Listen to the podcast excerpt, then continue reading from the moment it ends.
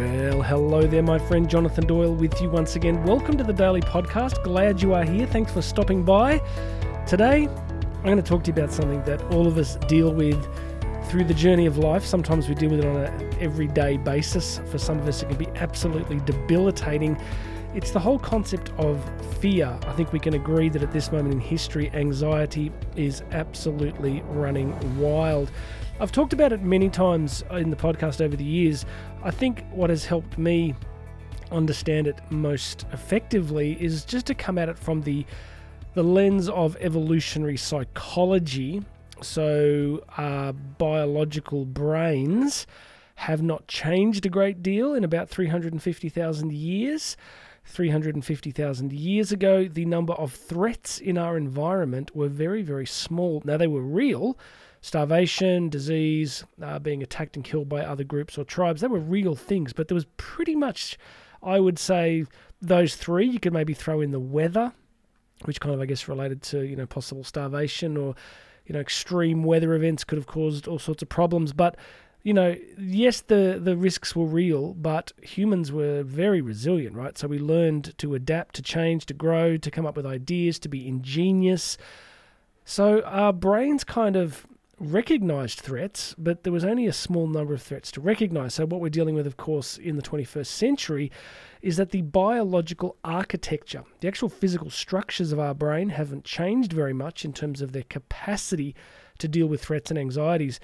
But the number of theoretical threats and anxieties we face has grown exponentially. So, simply what that means is, you know, being late for a meeting affects your body and brain in a similar way to the way your body and brain were affected by a saber-toothed tiger. Now they're vastly different, but the the biological mechanisms that trigger the response are the same mechanisms, right? So we've kind of got the same tools, at least at the biological level, that we had over 300,000 years ago, but this vastly more complex environment. So that's one of the reasons why anxiety's become such a huge thing. You know, in a given day, you could be worried about finances or your kids or your friends' kids or your friends or your career or, you know, what's happening in the weather or you turn on the TV, you open your internet browser, and of course, there's a million things to be worried about. So that's kind of what's driving a lot of it. So in this short message, I wanted to offer something, a great quote here that uh, I heard a while ago, and I can't find exactly where I wrote the notes down, but it's a very, really helpful insight. You ready? Here it is. Fear is imagination undirected. Fear is imagination undirected. Think about that for a moment.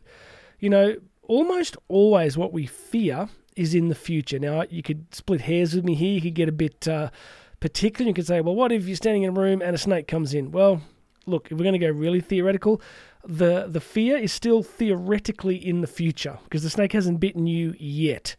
Okay, so what you're afraid of hasn't actually happened. The snake comes in, but what are you doing? You're imagining the snake biting you. Now it might it might bite you in a couple of seconds, but it hasn't happened yet, right? So, you know, if let's just say for example you're a highly trained snake wrangler, the snake comes in the room and your imagination is doing something very different. Your imagination is going, well, you know, I'm just uh, I'm just going to stand still, and the snake's probably not going to attack me. Now, I guess this is a rough example, right? There are many there are, there are many permutations. I know some of you are thinking, well, what if it's a really aggressive snake? Okay, I get your point, but you see how the fear is still in the future, and and how we imagine what is going to happen to us is so much of what shapes our experience, right? So fear is imagination undirected. Think of those times of night you've lain awake. You've lain awake for hours worrying about what your boss was going to say or whether this person was going to go out with you or any number of other possibilities. And our imagination was doing incredibly unhelpful things to us. You know, John Milton, in his famous book in the 16th century, Paradise Lost, there's a great line where he said, uh, The mind is its own place and can make a heaven of hell or a hell of heaven. You know, there was this awareness in the, in the great writers that our mind was really capable of doing any number of possible things depending on all sorts of factors context, influence, history, personality types. But let's start to realize the parts that we can control. That if fear is imagination undirected, then maybe the way out of this is to get really good at directing our imagination. I want to, you know, add to this a little bit with a great quote from Mark Twain. Samuel Clemens, of course, was his real name, who wrote uh, Tom Sawyer and The Adventures of Huckleberry Finn and much more. But he said this I've had a lot of worries in my life, most of which never happened. I've had a lot of worries in my life, and then, you know, the way that he writes, he always has these little little sting in the tail where he says, uh, most of which never happened. You ever been there? You ever had some serious worries about X happening and the worst never happens? And I say to people that, you know, some people are like, well, what if the worst does happen? I go, well, you'd be surprised. You actually will adapt. But what if I can't adapt? Well, you'd be surprised. People actually tend to adapt. We have incredible freedom. Now, you may choose not to adapt. You may choose to find a disempowering meaning to your loss or to your suffering or to your fear. That's very human too, right? We kind of decide that uh, what's the point? There was nothing we could do and nothing's going to change, so we actually give up. That's learned helplessness. But the truth is that whatever you fear, there's a very good chance that you would actually adapt and manage it. So, friends, let's wrap up.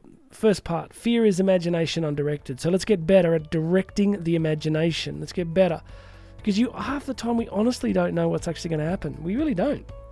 So instead of assuming that the worst is going to happen, we are just as capable of assuming that maybe something good's going to turn up, you know?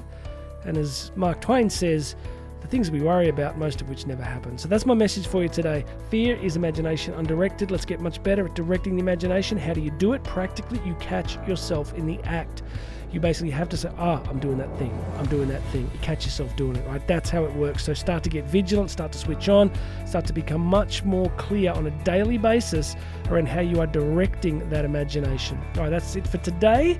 Please make sure you've subscribed. Hit that subscribe button, and there'll be links here to book me to speak live, conferences, events. You can bring me live to your event. And that's it for today. God bless you, everybody. My name is Jonathan Doyle. This has been the Daily Podcast, and you and I are going to talk again tomorrow.